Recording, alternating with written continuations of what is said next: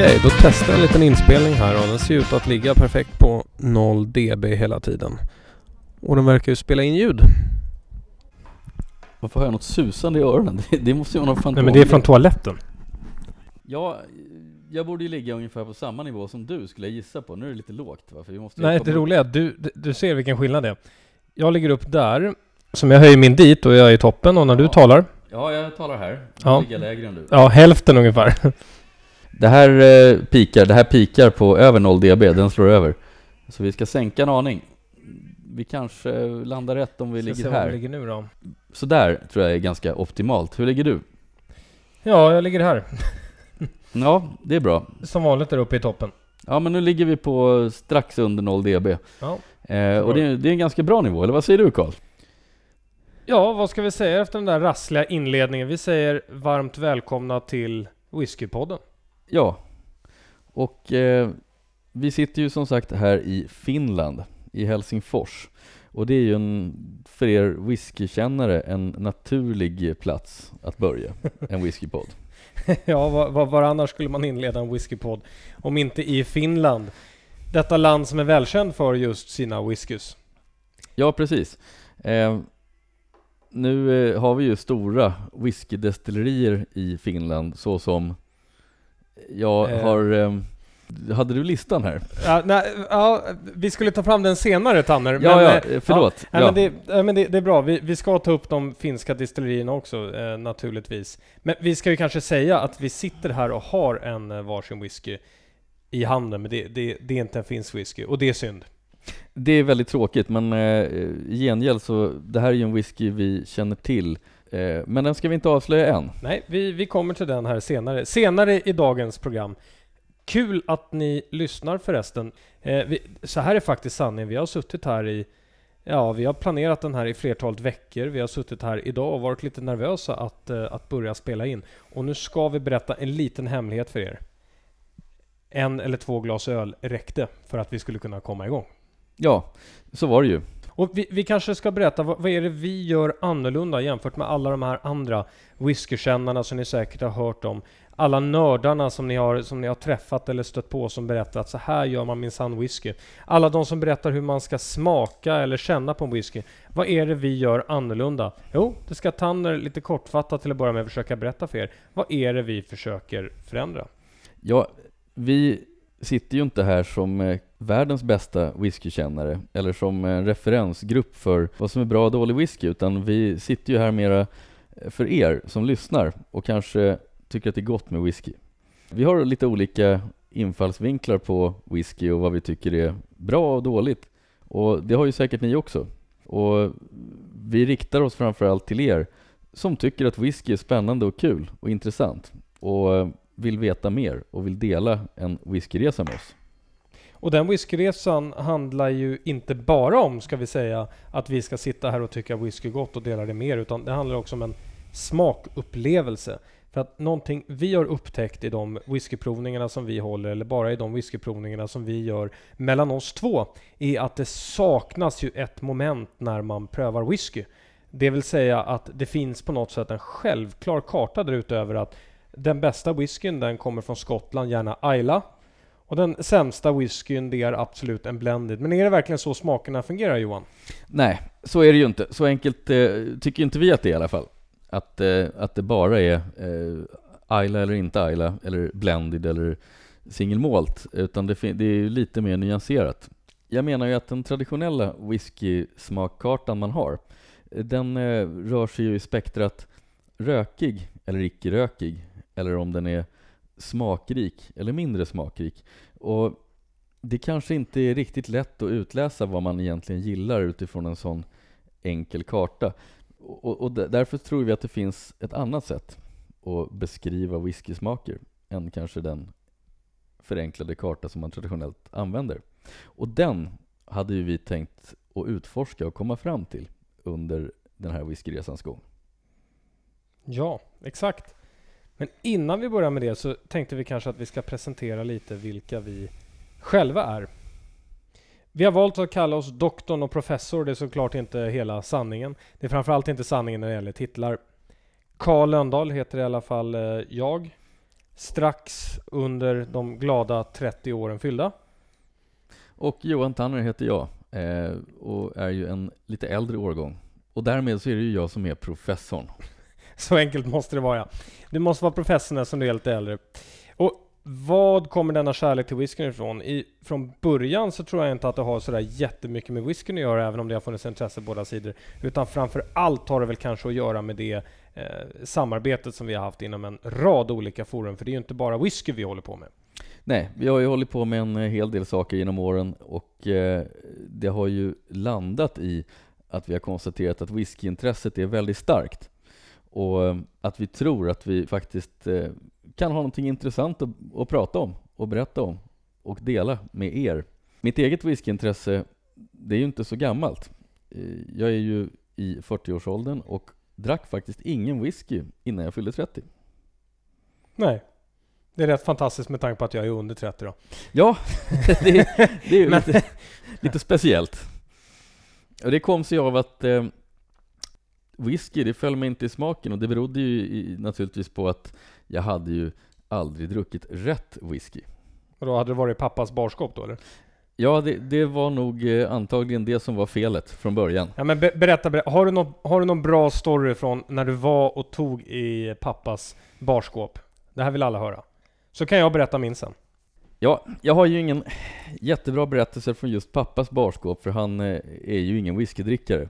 Eh, och var ju inte då heller. Men... Eh, är han det idag? Nej, det är han ju inte. Han är en konjaksdrickare idag, och det ska man inte förakta. Men, eh, men som, som alla andra, så den första whisky man kom i kontakt med, det är naturligtvis i tonåren, när någon har plundrat ett spritskåp någonstans. Och, Vad drack du då? Ja, jag vill minnas att det faktiskt var Johnny Walker, oh, Red Label.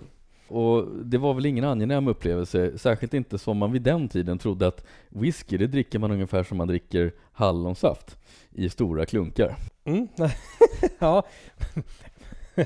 ja. Ingen angenäm upplevelse. Vad hände under resten av den här kvällen? Eh, det minns jag inte så mycket av.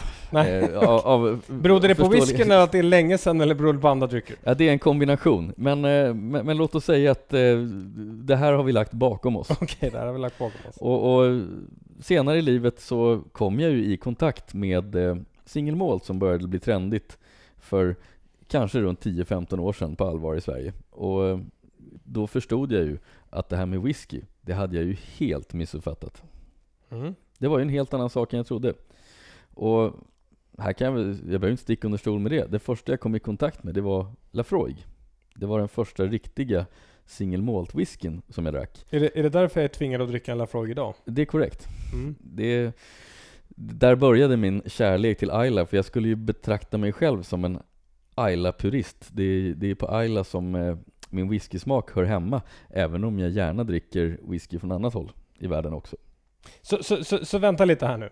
Du och jag har alltså bestämt att vi ska göra en whiskypodd för att vi på något sätt ska eh, tillkännage att det finns andra smaker än bara de som gillar Ayla. Och nu sitter du här och säger att du älskar Ayla mest av allting. Det är alldeles riktigt, men eh, vi ska inte försöka snäva in oss på det. Och jag vet ju, Karl, att du har ju faktiskt, eh, skulle jag kanske säga, en något bredare smak än jag. Vill du berätta lite grann om vad du dricker för någonting?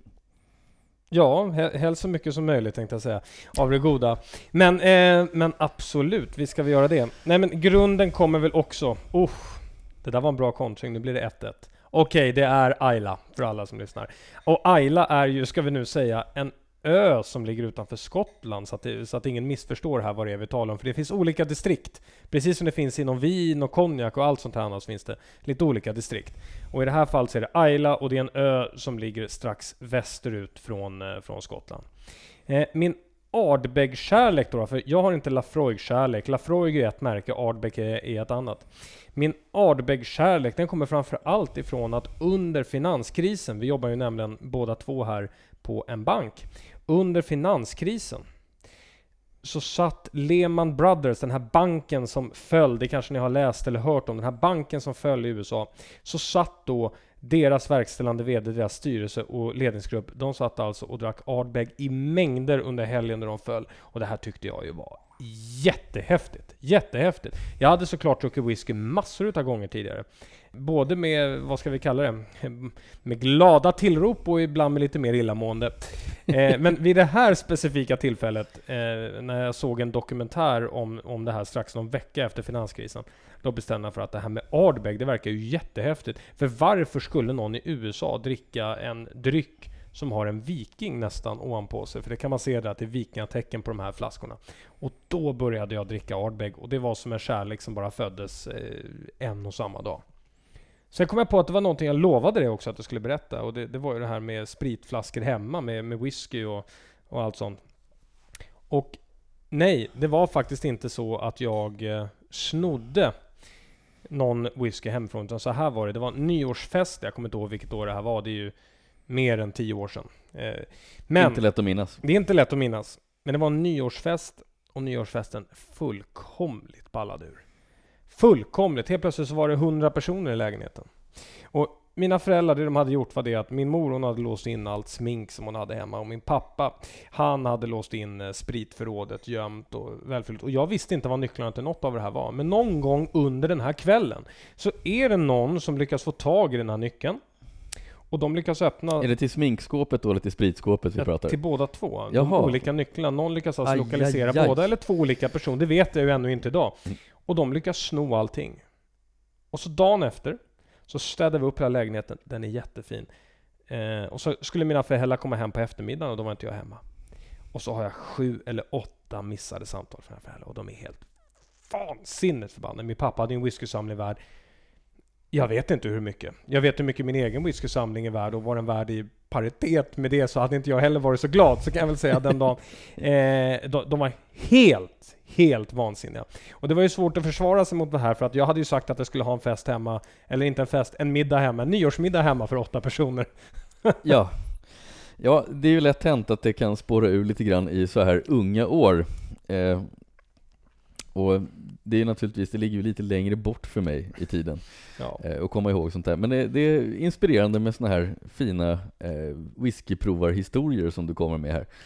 Vi, vi kanske borde ha sådana varje gång, sådana här eh, dagens bekännelser. Ja, dagens bekännelse, det är en punkt som jag känner att eh, den, den skulle kunna eh, sitta ganska bra. Den skulle kunna säga, skulle kunna vara en podd eh, själv faktiskt, Ja. bara den här dagens bekännelser. Men nu tillbaka till ämnet. Eh, vi har gått igenom lite vad vi försöker förändra i whiskyvärlden och det är alltså den smaksättning vi har. Vår målsättning det är att vi en dag ska kunna ge ut en bok och det kommer ni få höra mer och mer om så länge det här poddprogrammet bara går.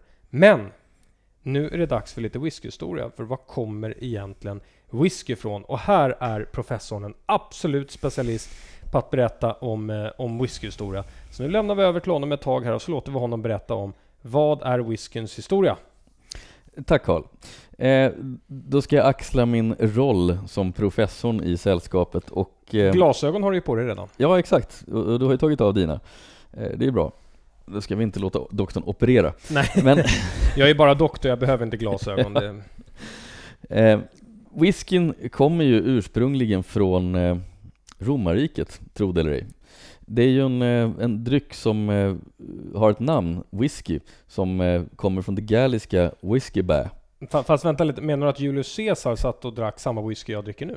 Det skulle jag nog inte påstå, den är nog ganska långt ifrån. Utan det, det var egentligen så att romarna som ju erövrade de brittiska öarna upp till Hadrianus mur och kom ganska nära skottarna på det sättet. De hade ju med sig någonting som heter akvavit.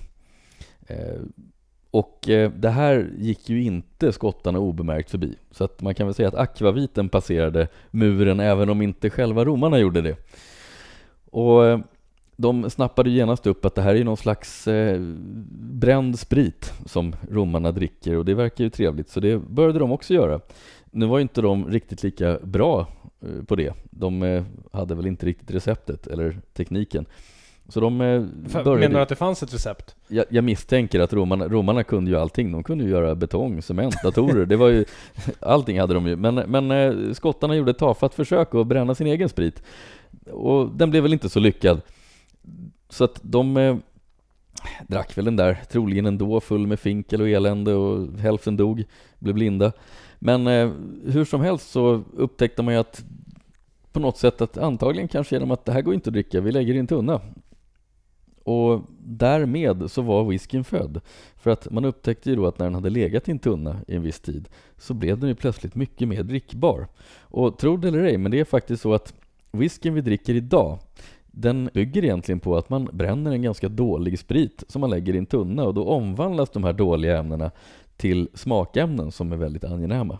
Dålig menar du att jag dricker hembränt i princip? Ja, du dricker ganska dålig hembränt till och med om du dricker whisky. Eh, nu för tiden kan man ju faktiskt bränna även hemma med viss kvalitet, har jag hört ryktas om. Men eh, det kunde man inte då, och det gör man fortfarande inte, utan det här är dåligt destillerad sprit. Den är ju till och med destillerad flera gånger för att ens uppnå en spritstyrka. Eh, ni kanske är bekanta med att man destillerar whisky åtminstone två gånger, eh, och i vissa fall även tre, för att eh, få till slutprodukten. Och det kommer sig av att en destillering på det sättet man destillerar whisky, det räcker inte för att det ska bli sprit. Det blir inte sprit då, det blir någon slags halvmesyr på kanske 20%. Okej, men, men, men låt mig backa lite här nu. Vi, vi säger, jag, jag tar ett alias. Jag kallar mig själv Tord. Ja. Och Tord här, han är... eh, Jag är en absolut newbie när det kommer till whisky. Och jag är en totalt newbie när det kommer till sprit överhuvudtaget. Vad gör man när man destillerar? Ja, destillera. Vi kanske ska förklara de här facktermerna lite grann. Destillera, det är ju egentligen att man värmer upp den här eh, grundmaterien så att den eh, förångas och sen så kyler man ner ångan så att det blir sprit. Och för att göra whisky, om man ska titta på hur man gör whisky, så utgår man ju från att brygga ett öl. Eh, så att man börjar faktiskt göra öl. När man har gjort ölen, då har man ju en dryck som gissningsvis inte är särskilt god. Eller ja, det är inte bara gissningsvis. Jag har ju faktiskt druckit den här ölen som man gör whisky av. Den är ju förskräcklig. Men eh, den destillerar man genom att värmer upp den till en temperatur där den börjar förångas. Och sen kyler man ner ångan och ångan, det som förångas först, det här är ju spriten. Och jag, jag, jag antar... eh, Kokar man den här då eller? Ja, det är en slags kokande fast man ligger strax under kokpunkten. För att inte, Som en inte, crockpot? Ja, som en crockpot ja, Ja. precis. Det, det skulle de gilla om de hörde i Skottland. Ni gör alltså öl i en crockpot. Uppfann skottarna crockpoten kanske? Ja, det kan ha varit så faktiskt. För det heter ju pott. Eh, Pott ja, precis. Och det är ju det även de här stora kopparpannorna heter. De kallas ju för pot stills. Men låt mig återgå till den här Tord. För Tord, han är inte en... Han kommer från Kalix. Han kommer från Kalix. Han kommer från ja. Kalix har jag bestämt nu. Han är från Norrland, Kalix och just det här när det kommer till whisky, det, det har han ingen koll på. Och då undrar jag fortfarande, okej vi destillererar, vi gör alla de, alla de här sakerna. Varför smakade whiskyn olika? Ja, och det finns ju väldigt många anledningar till det. En anledning det är ju vad man stoppar in i whiskyn från början. Vi har ju malten som ju kan vara tillredd på olika sätt. Man kan torka den med hjälp av luft. Man kan torka den med hjälp av torvrök. Och det här påverkar ju smaken på olika sätt. Och den här whiskyn som vi har sagt att vi tycker är väldigt trevlig, Ayla whisky, den är ju generellt sett torkad med torvrök. Det är det som ger rökigheten i whisky. Sen finns det ju naturligtvis många aspekter av lagringen som påverkar smaken. Vi har eh, de faten man lagrar i är ju väldigt ofta fat som är begagnade. Man eh, använder till exempel bourbonfat, eller sherryfat, eller portvinsfat till och med. Eh, och allt det här ger ju en karaktär ju längre man lagrar whiskyn i de här faten som påminner om det som var lagrat i dem från början. Men eh, det, det du sa nu, bur, bourbon, är inte det whisky också? Bourbon är ju också en whisky, även om man brukar säga att det är en egen whiskytyp. Och eh, bourbon har ju fördelen då för skottarnas del att bourbon lagras ju på nya ekfat. Så där finns det ju ingen åtgång på begagnade ekfat, utan de skeppas ju till Skottland till exempel och andra delar av världen för att lagra skotsk typ av whisky, eller den klassiska whiskyn. Okej, men den här Tord, han är även en hemmabrännare va? Och nu vill han veta följande fråga här. Jag tar mitt hembrända fula finkel och så ställer jag det i en låda och så lagrar jag det under en period. Blir det whisky då? Ja, alltså i en låda kanske inte riktigt eh, är rätt, men... Okej, eh, men en tunna då? Ja, en tunna. Ja, absolut. Eh, visst blir det det. Det. Det är ju dock så att det finns ytterligare en aspekt och det är ju var man lagrar whisky någonstans. Att lagra den hemma i köket kanske inte ger den här havskaraktären som en whisky lagrad på skotska kusten eh, har. Men absolut, det blir en whisky. Det blir det. Ja. Vad är kriteriet för en whisky? Ja, kriteriet är att den är lagrad minst tre år och en dag. En dag. är det som är kriteriet. Eh, och naturligtvis att den bara består av malt, jäst och vatten. Eh, man får tillsätta sockerkulör i efterhand om man vill, men eh, det är det som är ingredienserna. Men är inte det samma ingredienser som en vodka har då, eller? Ja, i stort sett är det det. Och det är som vi, för att gå tillbaka till det vi sa från början, det här är en dåligt destillerad sprit. Det är en, en fulsprit som man lagrar i tunnor för att få drickbar. Jaha. Då undrar man ju om Tord nu har fått svar på alla sina frågor. Ja, nej, nu fick jag ett sms här. Han är just nu på väg ut i laggården för att försöka hitta en bra tunna och lagra vidare. Vi kanske kan återkomma till det i ett senare program. Vi ska prova hans whisky när den är klar. Vi ska prova den. Tre år och en dag var det så. Ja, Fantastiskt. Vi ska såklart återkomma till ännu mer whiskyhistoria framöver i, eh, i programmet. Men det, det är ju någonting här som jag känner att vi måste reda ut innan. När vi började prata här om tidigt att vi är Ayla-specialister. Då, då undrar jag ju då naturligtvis. Det vi dricker nu är ju en så kallad single malt. Och det här vet man ju att många undrar över. Vad är skillnaden mellan alla de här single och matted walt och, och blended och vad, vad, vad är alla de här olika? Ja, det är ju naturligtvis någonting som eh, kan vara lite förvirrande för att än idag så är det ju så att om man går ut på krogen och dricker whisky så det är inte så att det framgår tydligt vad det är för typ av whisky man dricker. Det finns olika märken som folk känner igen. Det finns Famous Grouse, det finns Johnny Walker, eh, en del kanske känner igen Glenfiddich eller Lafroig. Och är man inte en van whiskydrickare så kan det ju vara väldigt förvirrande att förstå vad det är man dricker. Men man kan kategorisera whisky egentligen i tre tydliga kategorier. Det ena är blended whisky.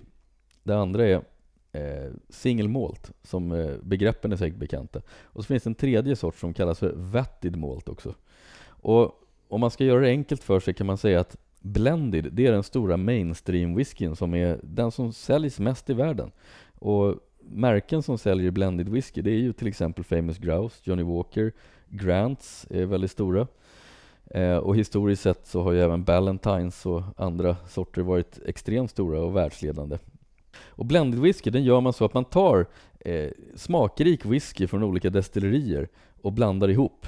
Och sen tillsätter man grain whisky. Och vad är då grain whisky? Det kanske Åh, du kan nej, berätta? Inte ytterligare ett koncept här nu utav, utav whisky.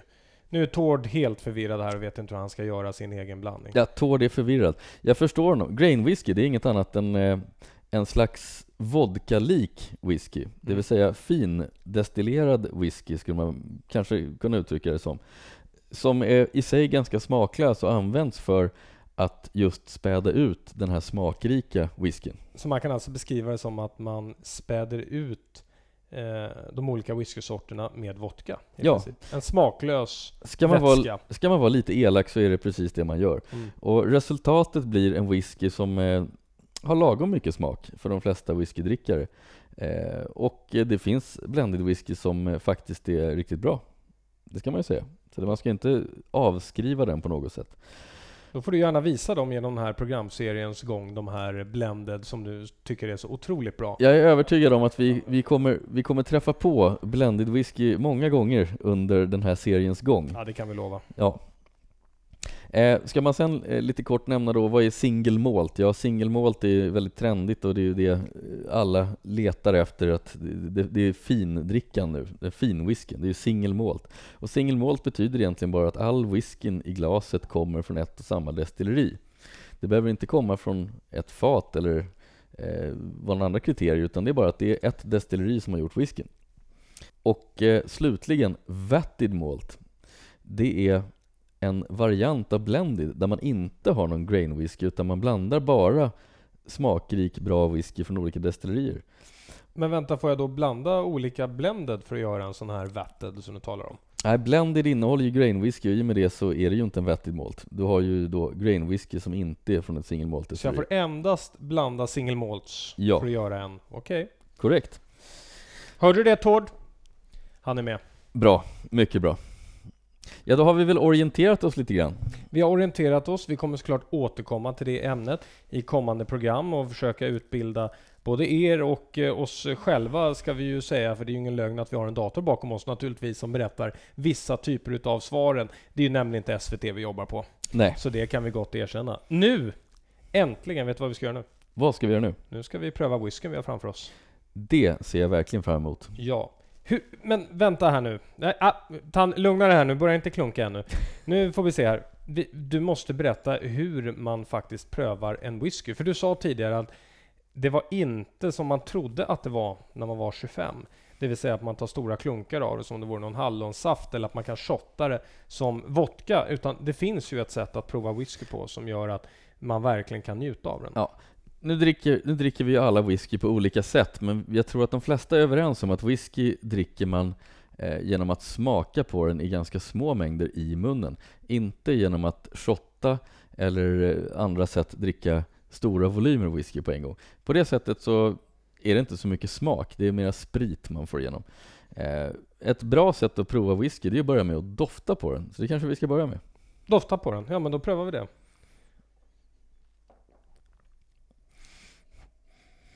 Och det här är ju omisskännligt.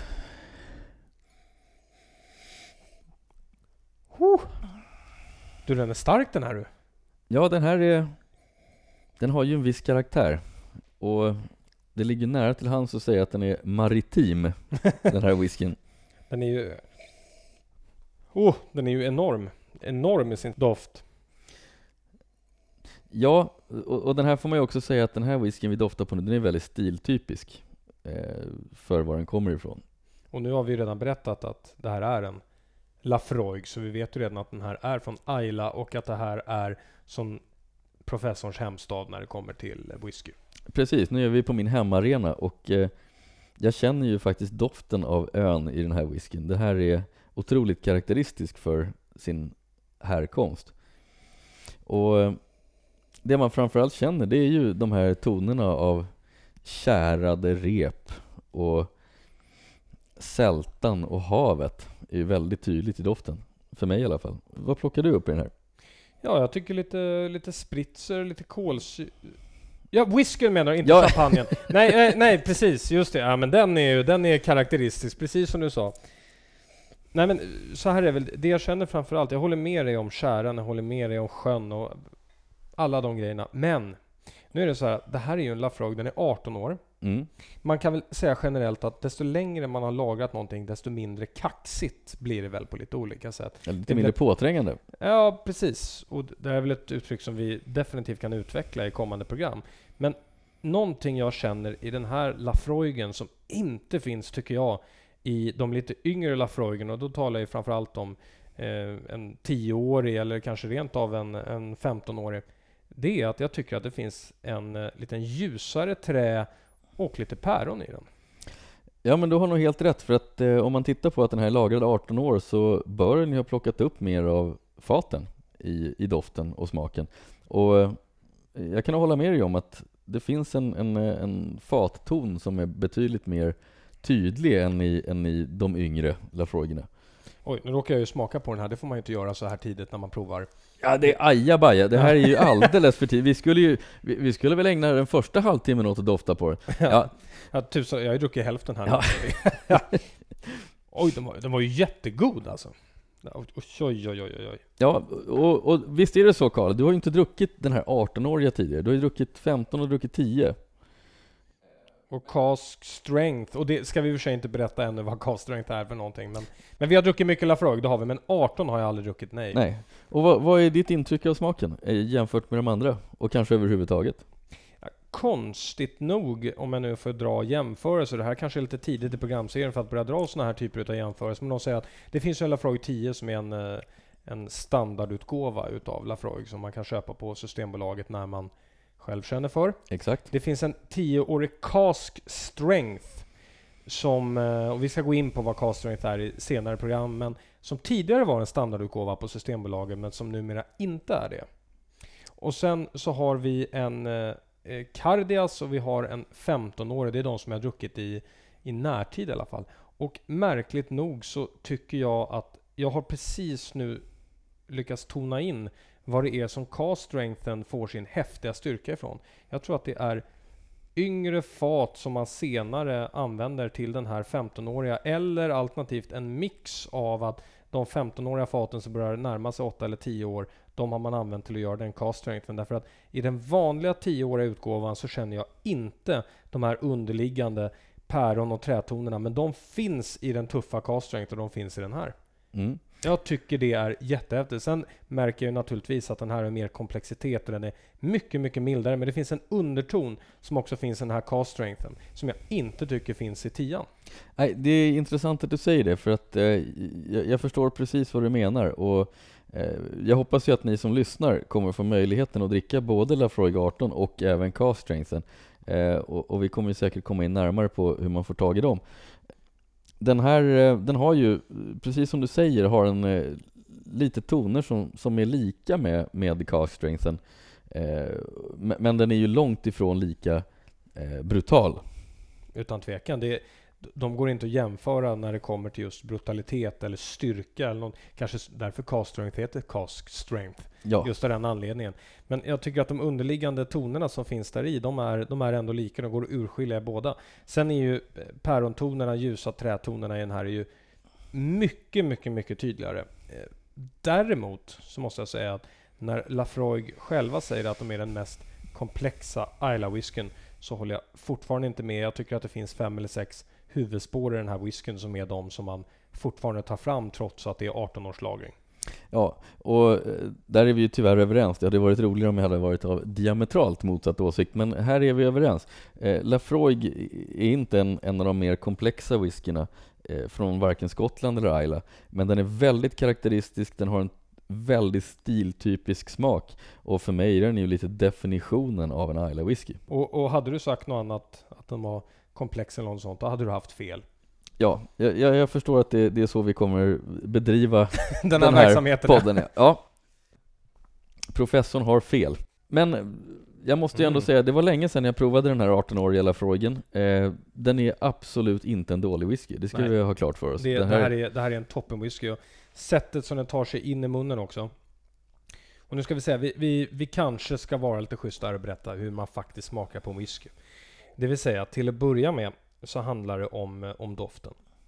Och då handlar det lite också om hur glaset är, är utformat. Därför att man dricker gärna whisky i tulpanglas och inte de här tjocka glasen som man ofta ser på TV att man dricker på, eller som man dricker i, i USA i en Hitchcock-film. Du menar de vi sitter med? De vi sitter med, ja. precis. Även om det här är någon mer typ av finsk design. Jag vet inte om det här är det vackraste de har producerat i landet, då har de en bra bit kvar att jobba. Men ja. Nej, man dricker ju helst inte whisky ur tjocka glas överhuvudtaget och det beror ju på att whisky vill man helst dricka varm. Eller vi ska faktiskt eh, korrigera oss lite där och säga att bra whisky dricker man gärna varm. Ja. Eh, varm betyder ju inte då att man ska mikra whiskyn, utan det innebär att den bör vara kanske lite högre än rumstempererad. Och varför gör man då det, undrar man ju naturligtvis. Jo, det är därför att i en högre temperatur så släpper whiskyn ifrån sig mer smakämnen. Eh, om man lägger is i whiskyn till exempel, då finns det ju en överhängande risk att whiskyn slutar smaka så mycket. Och det är klart att det kan ju vara önskvärt om det är en dålig whisky. Så det är ett bra tips till er lyssnare att dricker ni en whisky ni inte tycker om, be om lite is till den så kommer den bli mycket mer uthärdlig. jag vet direkt några som jag ska ha whisky Eller jag menar som is, is ja. den, den, tog den här tror jag. Ja. orden, orden börjar försvinna. Orden börjar försvinna. Mm. Och eh, orsaken då till att man inte ska ha tjocka glas, det är naturligtvis att då kan man värma whiskyn. Därför då kan, man, då kan handens värme eh, gå igenom glaset. Med ett tjockt glas så blir det väldigt svårt. Precis, för det är ett bra sätt att få fram smakaromerna, både när man, eller till att börja med när man doftar på den. För att en utav de starka grejerna är att man börjar med att dofta på den och försöker urskilja smakerna då. Och det kan man gärna med glädje göra en lång, lång stund innan man överhuvudtaget smakar på den. För att nu vet ju inte ni hur länge vi har hållit på att spela in det här programmet. Vi har gjort det i 50 minuter och vi har haft 4 centiliter framför oss och vi har kommit till hälften av dem. Eh, av de centiliterna. Nu har vi visserligen pratat en del också. Ja. Men sättet att dricka whisky är absolut inte att försöka stressa ner den. Och när man kommer väl till smaken så föredrar jag att man tar väldigt, väldigt lite till att börja med på framsidan utav tungan bara för att se hur den sprider sig i munnen. Får den ingen stor spridning så tar jag med glädje lite mer. Ja. Och får den en väldigt stor spridning så finns det ju ingen anledning att man faktiskt överhuvudtaget ska ta mer utan då vill man ju snarare se hur den rör sig i munnen för de rör sig på olika sätt. Olika smaker, det här vet vi sedan skolgången att tungan och gommen har olika sensorer för smak. Ja, Det vet vi olika redan och det är de tungan. som man, som man gärna vill ta fram. Det jag känner exempelvis nu på min egen tunga naturligtvis, som jag nu också vet att det här är en Isla Whisky, den kommer från kusten där sjömän jobbade, lite Fisherman's Friend. Då känner man ju en sälta liggandes bak på tungan trots att det nu är flera minuter sedan jag prövade sist. Och där får man ju också säga att just den här eh, Lafroig 18, den är lite tamare och lite mildare än eh, de yngre släktingarna. Men eftersmaken, den ligger faktiskt ganska länge. Kanske till och med längre än på en eh, vanlig Lafroig 10. Ja, Och det är ju intressant. Därför att eftersmaken är ofta längre på en whisky som är längre lagrad. Det är inte alltid så, men det är en, eh, det är en intressant observation. ja och jag kan säga den kortaste med om det är den som jag nämnde tidigare också, Cask Strengthen. Den Mm. har en otroligt kort eftersmak beroende på att den är så stark så att man känner ingenting efter en minut. Nej, men det är ju mer för att man blir bedövad. ja, ja det, det är mer av den anledningen kanske. Den är väl den är 56-57 procent, är inte den? Ja, det är någonstans där den ligger. stark. Vansinnigt stark. Den får vi nog anledning att återkomma till och kanske till och med prova i en senare podd. Ja, vi, men vi måste beställa mer för den tog ju slut. Ja, bara det, några kvällar. ja, det är ju ett problem vi har just nu. Ja. Den var lite för bra. Fantastiskt bra whisky. N- när jag har smakat på den, vad är det viktigt att jag tänker på då? Eh, eftersmaken, hur ska jag balansera den? Hur ska jag tänka på den? Ja, jag brukar inte krångla till det så mycket. Jag är visserligen en whiskynörd, men eh, jag är framförallt en, en glad whiskydrickare.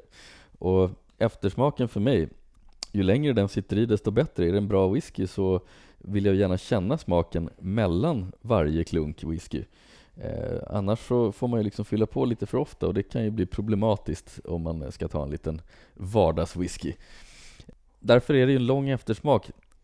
Man, kan and, man andas whiskyn. Eh, man, man känner ju smaken av whiskyn som om man precis drack den. Och sitter det i 20 minuter, jag är inte mig emot. Inte dig emot. Får gärna vara där. Det... Alltså, ja. Som ju de flesta har gjort nu för tiden. Vi hoppas att ni har eh, njutit utav eh, eh, den här stunden som vi har haft, haft tillsammans. Vi hoppas att ni också har prövat en whisky under tiden ni har gjort det här. Om ni inte har gjort det så hoppas vi att ni går och korkar upp en just nu och väljer att pröva den. Det här var ett introprogram. I de kommande programmen så kommer vi fortsätta prata om vad whisky innebär. Vi kommer att prata om allt från världswhisky till eh, svensk whisky till alla typer av olika sorter. Vi ska definitivt gå igenom vad det här med cast strength är som dödar tungan på eh, på en minut. Men vi ska också försöka ta ut på lite resa rent internationellt. Vi har planer på att göra något inslag ifrån London, World of Whisky. Eh, men nu i närtid framförallt så är det väl öl och whiskymässan dit vi ska försöka ta oss för att göra ett ordentligt bra reportage för er för att ge er en sån bred uppfattning som möjligt av de olika whisky som finns. Ja, Och så till kommande program ska vi också ha lite whiskynyheter. ja. Till öl och whiskymässan har vi blivit inbjudna. Det är väldigt trevligt.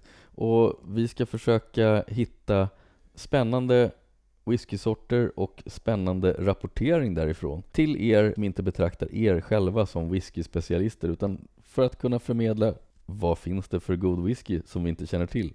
Och det gäller ju oss själva också. Vi är ju lika nyfikna. Ja, så är det naturligtvis. Så tack för denna gång. Och på återseende får vi säga. Om några veckor så smäller vi till igen. Och nu ska jag pröva mer av den här whiskyn. Och då kan vi väl bara avsluta det här avsnittet med att säga slanche, Slanche!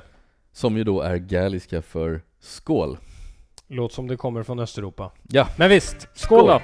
Slanche!